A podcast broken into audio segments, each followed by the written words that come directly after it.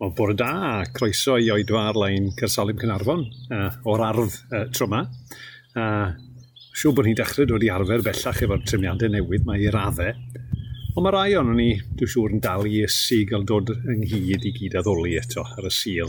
A dyn ni'n edrych ymlaen i'r adeg yna pan fydd hynny'n bosib pan fydd ni'n ddiogel i ni'n neud. A cofiwch os ydych chi'n byw yn ardal Cynarfon ac yn dilyn yr arfawn ar y we, ond heb fod gyda ni eto yn y cnawd, Byddai'n gret eich gweld chi pan mae'r gyfwng yn drosodd er mwyn i ni gael cyfarfod efo chi. Pwrpas ni fel eglwys ydy adnabod, addolyn a dilyn Iesu a'i gyflwyno i eraill. A dyn ni'n eich gwahodd chi i ymuno â ni yn hynny. Nawr, dros y we, a hefyd pan fydd yr gyfwng drosodd gyda chi yn y, yn y cnawd. Ac os wrth basio, os ydych chi'n byw yn rhywle heblaw'r ardal yma, cofiwch chwilio am eglwys leol i chi, er mwyn i chi wneud hynny yn eich ardal chi, a fydd e werth e. Heddiw, dyn ni'n troi at un o'r cwestiynau yna sydd wedi cyflwyno fel rhan o'r gyfres yma, beth yw'r gwestiwn di, a'r cwestiwn dyn ni'n edrych arno tro yma, a trio'i ateb ar sail be mae'r Beibl yn ei ddysgu ydy, beth yw gweddi a sut ydw i'n gweddio. Ond yn gyntaf, dyn ni am gael can. Mae'n amrywiaeth o emynau a cyneuon a ddoli gyda ni pan dyn ni'n canu. Rhai o'n lle dyn ni'n siarad yn uniongyrchol gyda Dyw ac eraill lle dyn ni'n canu i'n gilydd y dyd i gwir, ond yn atgoffa'n gilydd yng pethau sydd yn wir am ddiw. Bore yma, dewch i ni ganu am myfyrio am sut un ydy diw.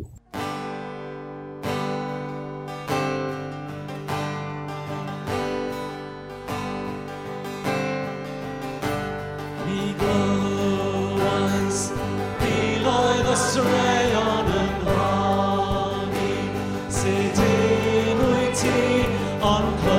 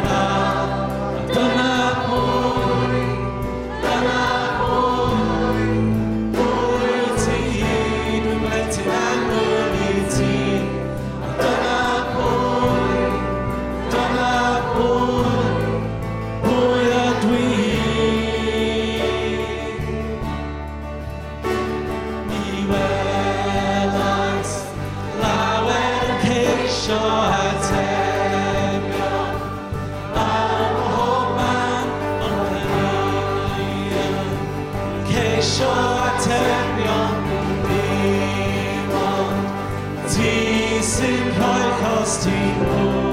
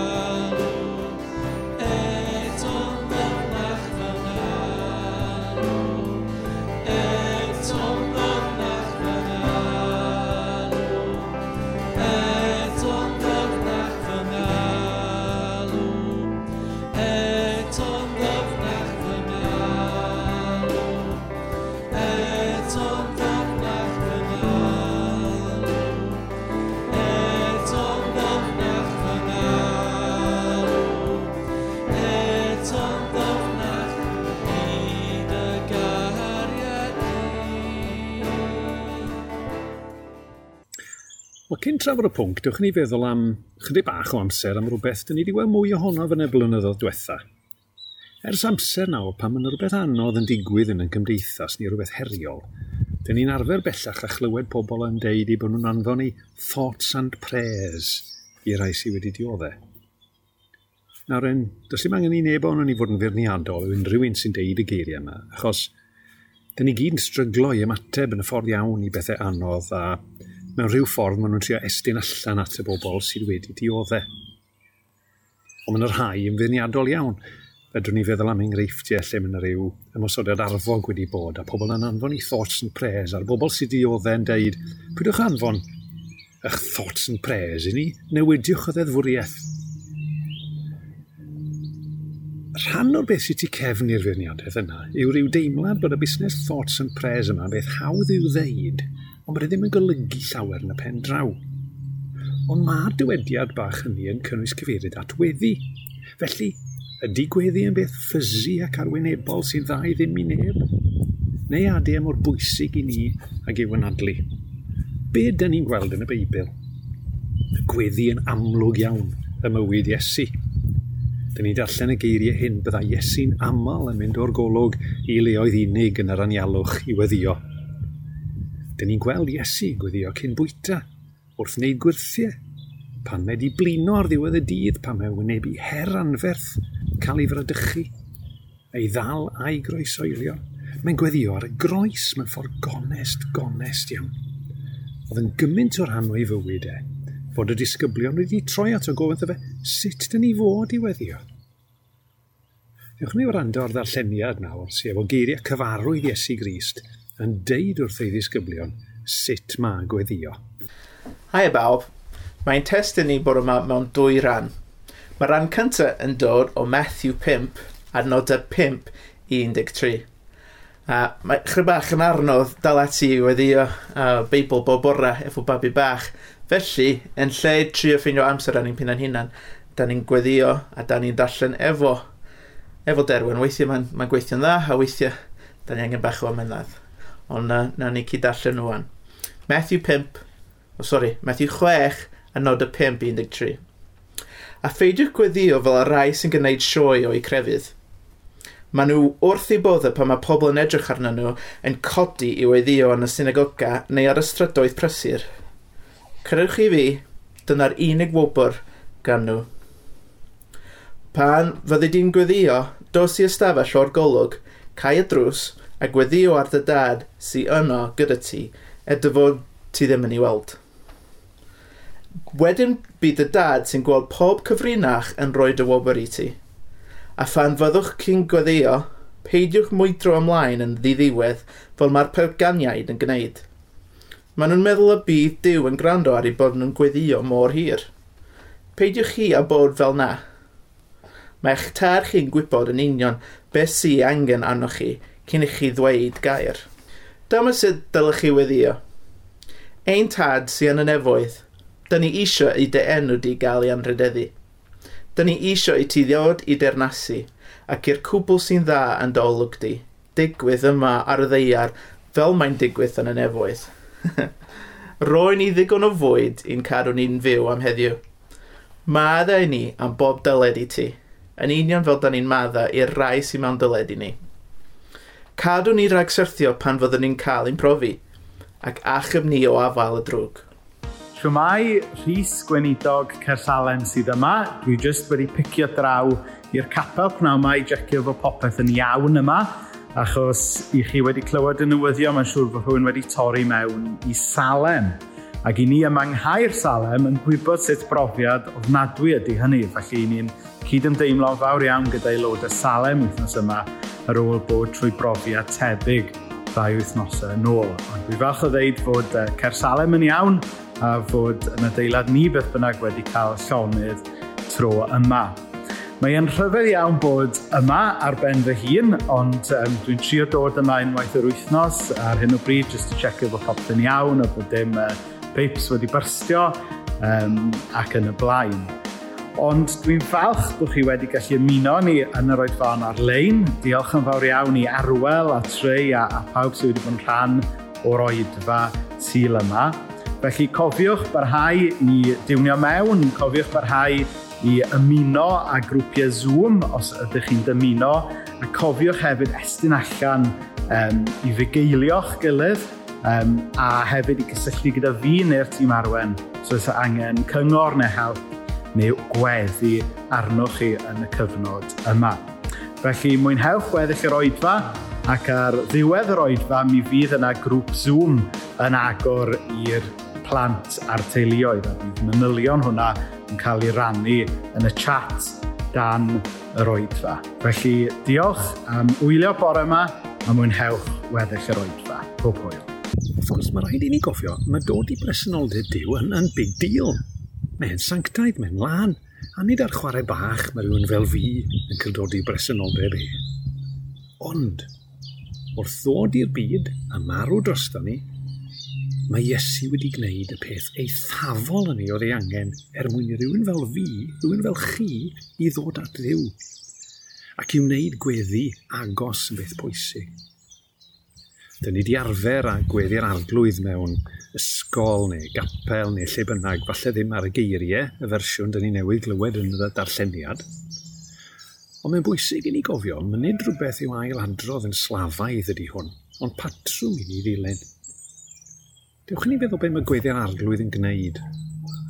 Mae'n yn annog ni a ddoli diw, i drystio yno fe, i gyffesu yn gwendid am pechod, i ofyn am fyddeiant, i gyflwyno ein dymuniadau iddo fe, a gofyn am ei help yn ein bywydau bob dydd. Beth mae gweddi'r arglwydd yn ei ddysgu ni felly yn syml yw mae siarad gyda Dyw ydy gweddi, a bod lle i ni weddio am bopeth o bwys ym mhob rhan o'n bywydau ni, ac mae pwrpas y cyfan yn dod ar cyfan o flaen Dyw, sydd am i ni weddi oedd a gwahodd y Dyw hwnnw yn ei gariad ei nerf a'i ddoethineb i fewn i bob rhan o'n bywyd. A pwy ydy e? Y Dyw mae dyn ni'n galw arno fe. Y Dyw sy'n galw hun yn aba, dadi, sydd am i ni droi ato fe a chlosio ato. Y Dyw sydd am i ni ddod yn nes ato fe ac sydd wedi gwneud popeth sydd ei angen i wneud hynny yn bosib. Bye.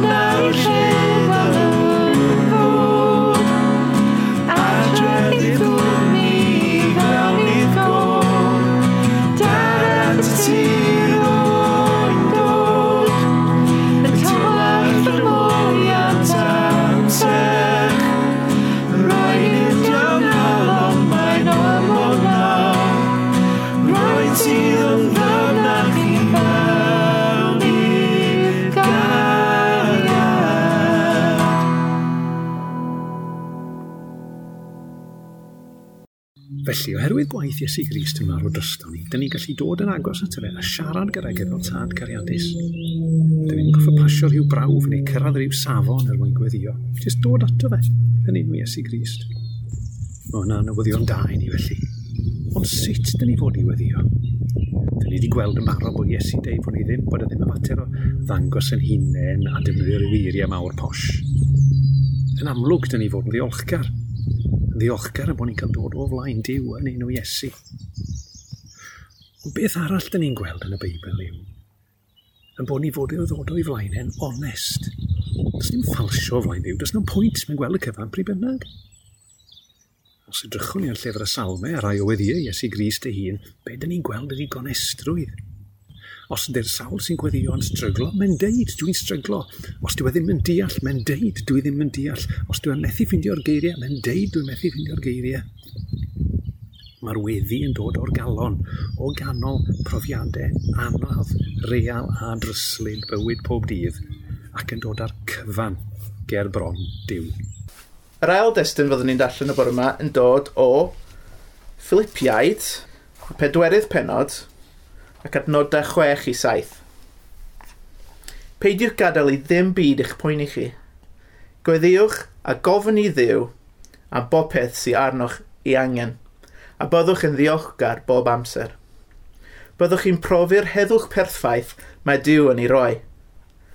Y daioni sy'n tu hwnt i bob dychymig yn gwarchod eich calonau a'ch meddyliau wrth i chi ddilyn am y Seia Iesu. Felly, Mae gweddion rhywbeth y medrwn ni gyd wneud.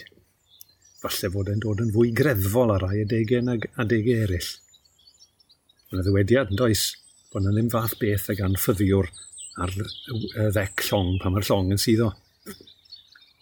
Weithiau felly mae, mae gweddio yn rhywbeth sydd yn codi naturiol pan ni'n gweld angen. Ond dewch i ni gofio, mae sylfaen gweddi yw'n perthynas ni a Dyw. Mae gweddi yn mynd â ni at yn tad nefol. Weithiau, pan mae popeth yn mynd yn iawn, mae gweddio ymhell o'n meddyliau ni. Rhaid ni gofio un peth. Mewn bywyd bob dydd, mae bob amser yn haws siarad efo rhywun, os dyn ni'n siarad efo nhw'n gyson ac yn ni'n nabod nhw'n dda.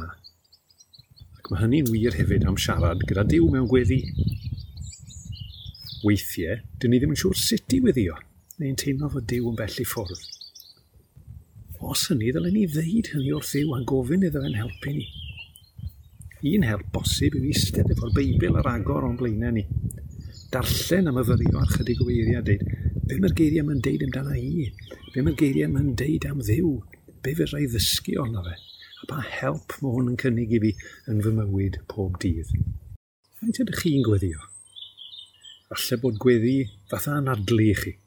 Falle bod chi rioed i gweddio o'r blaen. Falle bod chi fel fi yn wan o ran disgyblaeth gweddi a threfn gweddio. Lle bynnag ydyn ni bore yma, mae Dyw am i ni droi ato fe, i agor ein bywydau ni fyny iddo fe, a'i wahodd e fewn. Dewch i ni weddio. Dyn ni'n diolch i ti o dad am y cyfle i feddwl gyda'n gilydd am weddi y bore yma. Ond yn diolch fwy na hynny, dy fod ti eisiau i ni weddio. I siarad ati, dy fod ti eisiau bod yn rhan allweddol o'n bywyd ni, Helpa ni i ddysgu arglwydd. Helpa ni i droi at y ti. Ddim jyst pan da ni mewn angen. Wel, dewch i ni orffen bore yma gyda'r gan anhygoel ras. Mae'n sôn am haelioni diw sy'n gwneud y cyfan yn bosib. Gwneud e'n bosib i ni ddod ato fe.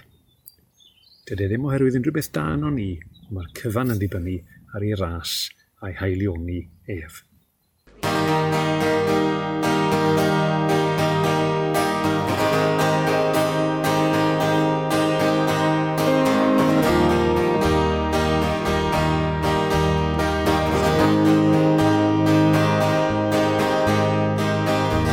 bwydorol bwer, pechod a plollwch, a chariad pwysig, nerthol a chroes.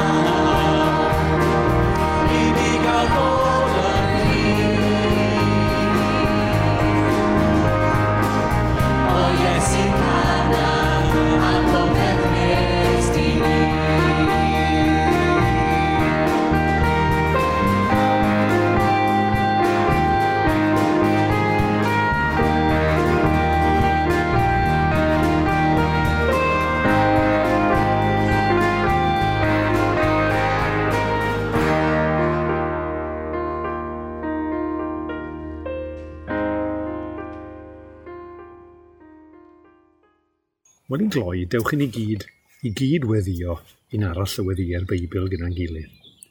A gwneud hynny nid yw jyst ail adrodd geiriau, ond gweddio o'r galon, gan gofio am bod ni'n siarad gyda Dyw sydd yn caru ni mwy na gymedrwn ni ddechmygu, a'i fod e eisiau bod yn rhan o'n bywydau ni.